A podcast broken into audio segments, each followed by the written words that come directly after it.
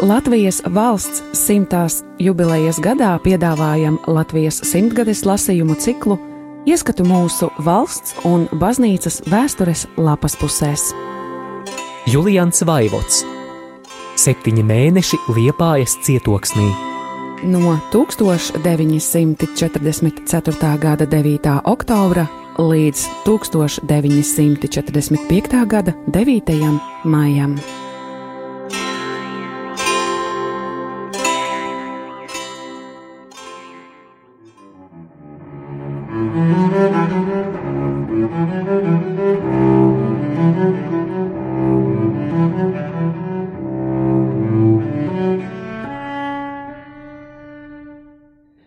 1945. gada 18. martā.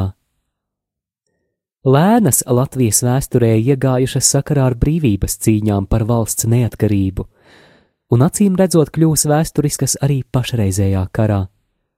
Jo jau kopš novembra pie lēnām fronte stāv gandrīz uz vietas. Man lēnas mīļas, kā manas mācītāja darbības garākā posma vieta – Deviņus gadus nodzīvoju klusajā stūrītī, kura straujā koja savus ūdeņus gāž ventā. Vienu kilometru no mācītāja mūžas augšup ventai uz upes krasta vecā parkā stāv agrāko piltenes bīskapu pils, kura kopā ar lēnu mūžu pirms zemes reformas Latvijā piederēja pēdējam rudbāržu baronam Firksam. Tagad lēnu mūža un lēnu mācītāja mūža atrodas pašā frontē, un vēl pareizāk frontes starpjoslā. Man bija interesanti šodien dzirdēt autentiskas ziņas par pašreizējo stāvokli šī dzimtenes stūrītī. Jau novembrī visi iedzīvotāji no turienes evakuēti. Izbrauc arī lēnu katoļu draugs prāvests, atstādams balto dievnamu dieva un vācu karavīru apsardzībā. Evakuēties vajadzēja steidzīgi, tāpēc vairākums iedzīves un baznīcas inventāra palika uz vietas. Tomēr viss bija kārtīgi noslēpts un liekas drošās vietās.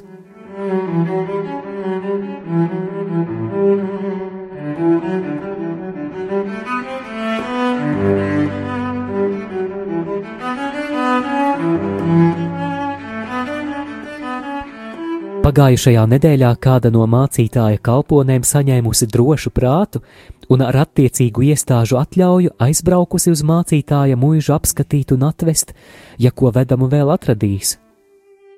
Drošsirdīgais sievišķis arī ticis ielaists vecajā dzīves vietā. Savu ķēvīti novietojusi mācītāja mājas pagrabu telpā un pati arī gulējusi turpat. Par pašām lēnām viņa stāsta, ka baznīca no kara darbības esot gandrīz neskarta. Tikai viena granāta esot izurbusies cauri presbitērija griestiem lielā altāra tuvumā. No saimniecības ēkām trūkstot klēts, divu šķūņu, un no ērberģa palikusi tikai vidējā daļa. Vislielākā skāde tomēr par jauno biedrības namu, kuru draudzes locekļi būvēja manos laikos.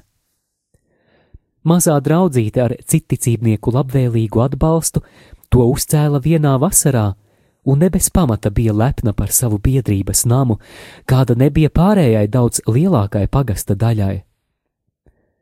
Rudbāržnieku skaudībai nebija gala, un tie pat visādi pūlējās nama būvi bremzēt, tomēr velti. Es kā šodien atceros kāda rudbāržnieka vārdus, teiktus taisvētdienā, kad lēnu draudzes locekļi pēc dievkalpojuma sapulcējās tanī vietā, kur bija domāts biedrības namu celt. Materiālu mums nekādu vēl nebija, un projektētajā vietā jau bija izauguši paprāvi zirņi. Tā kā tur bija visizdevīgākā vieta, es no saviem zirņiem atteicos vispārībai par labu. Bet minētais zemnieks tos izmantoja, lai parādītu mums visiem mūsu pārdrošību sākt būvi bez materiālu iepriekšējās sagādāšanas. Tāpēc viņš visiem dzirdot man kā ierosinātājam pateica: Prāvesta kungs, no zirņiem nevar uzcelt biedrības namu, bet mēs to tomēr uzcelsim, es viņam atbildēju, jo pazinu savus ļaudis un zināju, cik kuram bija lieku materiālu mājās, kā arī lēniešu enerģiju, ja viņi ko no sirds vēlējās. Daļu materiālu pirkām, vairākumu saziedoja draudzes locekļi, daļu deva arī apkārtējie luterticīgie saimnieki, bet galvenais - visi bez izņēmuma piedalījās darbā pie jaunbūves. Tāpēc līdz rudzu pļaujai uz zirņu lauka jau pacēlās biedrības nama sienas, un arī spāru svētki bija nosvinēti. Grūtāk gāja ar karsto darba laiku. Tanīs dienās, kad skrundā bija tirgus un zemnieki brauca garām ar saviem ražojumiem, man vajadzēja stāvēt uz ceļa un katru lūgt noteiktā dienā sūtīt strādniekus, lai meistars nepaliktu viens. Šai uzbāzībai tomēr bija labas sekmes, un vēlā rudenī jau notika biedrības nama iesvētīšana un pirmais sarīkojums pirmajā un vienīgajā biedrības namā visā Rudbāržu pagastā. Arī mans minētais oponents bija klāt. Saprotams, ka viņa vārdus par būvēšanu no zirņiem es vēl nebiju aizmirsis un neaizmirsu arī tos viņam atgādināt savā uzrunā, nododot namu sabiedrības lietošanā, jo juridiski tas piederēja baznīcai, kurai piederēja zeme. Arī draudzene bija tanīs domās, ka viņa būs drošāka par savām nedalītām tiesībām uz to namu, ja viņš skaitīsies baznīcas īpašumā.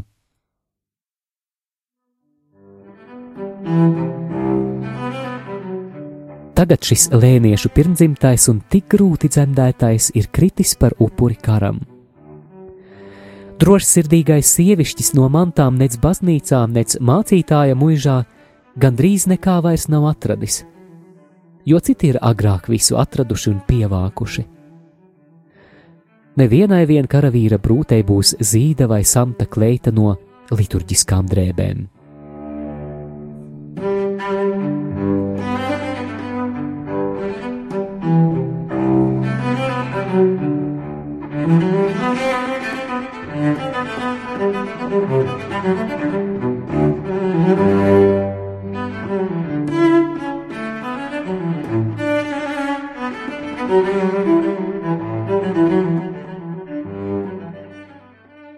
1945. gada 19. martā.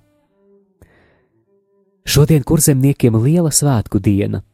Kurzemes katoļiem dubulta, jo 19. martā iekrīt svētā Jāzepa diena, kurš ir visas kurzemes aizstāvis, patrons. Vēl jo lielāka šī diena ir Liepājas katoļu draudzē, tāpēc, ka mūsu katedrāle veltīta svētā Jāzepa godam, un šīs dienas svinības baznīcā ir draudzes gada svētki. Bet jāatgriežas pie tā, kas attiecas uz visas kurzemes iedzīvotājiem, un proti pie Nacionālās komitejas prezidenta ģenerāļa Bangerska apsveikšanas svinīgās sanāksmes Liepājā, kāda tieši šodien notika. Līdz šīs dienas rītam nekas par to nebija zināms, tāpēc ļoti izbrīnījos, kad pulksten astoņos man baznīcā pasniedza ielūgumu kopā ar ieejas karti. Uz ielūguma rakstīts: Lūdzu jūs ierasties 1945. gada 19. martā, pulksten desmitos Liepājas operas namā, uz svinīgu sanāksmi Latvijas Nacionālās komitejas prezidenta apsveikšanai.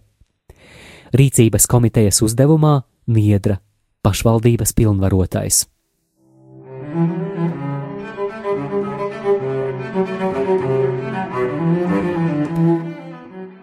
Labi, ka man bez pastāvīgā palīga vēl bija atbraucis talkā dekāns Samušs no Vecpils. Tāpēc pēc svētās mises, kuru noturēju par Latvijas labklājību, tūlīt devos uz aicinājuma vietu. Jau pa ceļam sastapu daudzus tādus pats steidzīgus gājējus, un teātra ielā ieripoja viens pēc otra kara automobīļi. Pie durvīm divkārša kontrole. Vispirms jāuzrāda ielūgums, un vēlāk vācu policija vēl kontrolē pasi. Cilvēki plūst kā ūdens plašajā vestibilā, un, kad iegāju zālē, tā jau izskatījās pārpildīta. Uzmeklēju savu vietu ložā pa labi, numur 23, un sāku tuvāk apskatīt sanākušos.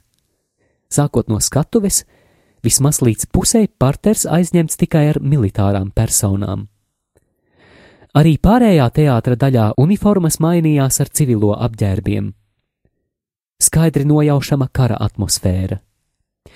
Šis iespējas vēl pastiprinājās, kad pulksten 10.30 zem marša skaņām zālē ienāca prezidents un vesela rinda augstāku virsnieku, starp kuriem bija vairāki vācu ģenerāļi un civilās pārvaldes augstākie pārstāvji, kā arī Latvijas Nacionālās komitejas ģenerālsekretāri Andersons, Miezis, pulkvežleitnants Kociņš, ģenerālprokurors Zvejnieks, valsts kontroles šefs majors Stīpnieks un citi.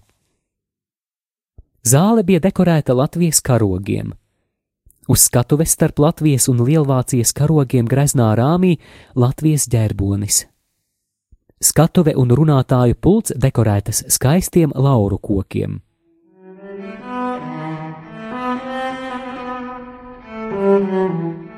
Augstos viesus sagaidīja svinību rīcības komiteja, direktors Niedra, pulkvežleitnants Tirzītis, Liepājas pilsētas vecākais Blaus, prefekts Grauds un zvērinātais advokāts Turks. Kā pirmais prezidentu ģenerāli Bangerski apsveica direktors Niedra. Latviešu SS brīvprātīgo leģiona sveicienus nodeva pulkvedis Osis, bet kurzemes iedzīvotāju vārdā prezidentu sveica Snēpeles pagasta vecākais Freimanis. Pēc Latvijas Nacionālās komitejas prezidenta Bangerska runas Kurzemes armiju grupas virspavēlnieka sveicienus nodeva artilērijas ģenerālis Tomaškī, bet pēc tam plašu runu teica Reichsfīrera SS pilnvarotais Kurzemē, ģenerālis SS grupenfīrers un policijas ģenerālleitnants Bērens. Noslēgumā Latvijas Nacionālās komitejas prezidents ģenerālis Bangerskis pateicās visiem apsveicējiem un uzsvēra, ka latvieši cīnoties par kopēju mērķi, par bolševisma iznīcināšanu, par Latvijas labāku nākotni.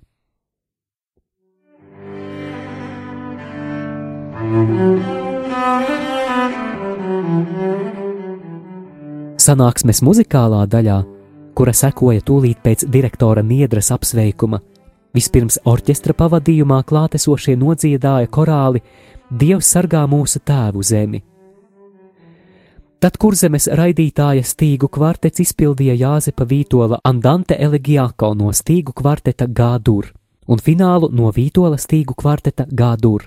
Tālāk karavīru kvarteta tēvija izpildījumā sekoja divas dziesmas - Straumes pie Baltijas jūras un Norviļa svēts mantojums.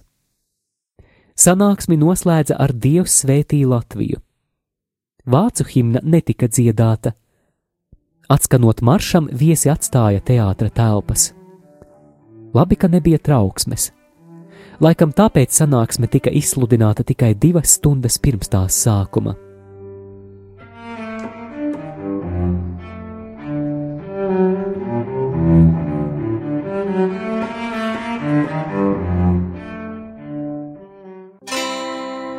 Latvijas valsts simtās jubilejas gadā piedāvājam Latvijas simtgades lasījumu ciklu Ieskatu mūsu valsts un baznīcas vēstures lapas pusēs.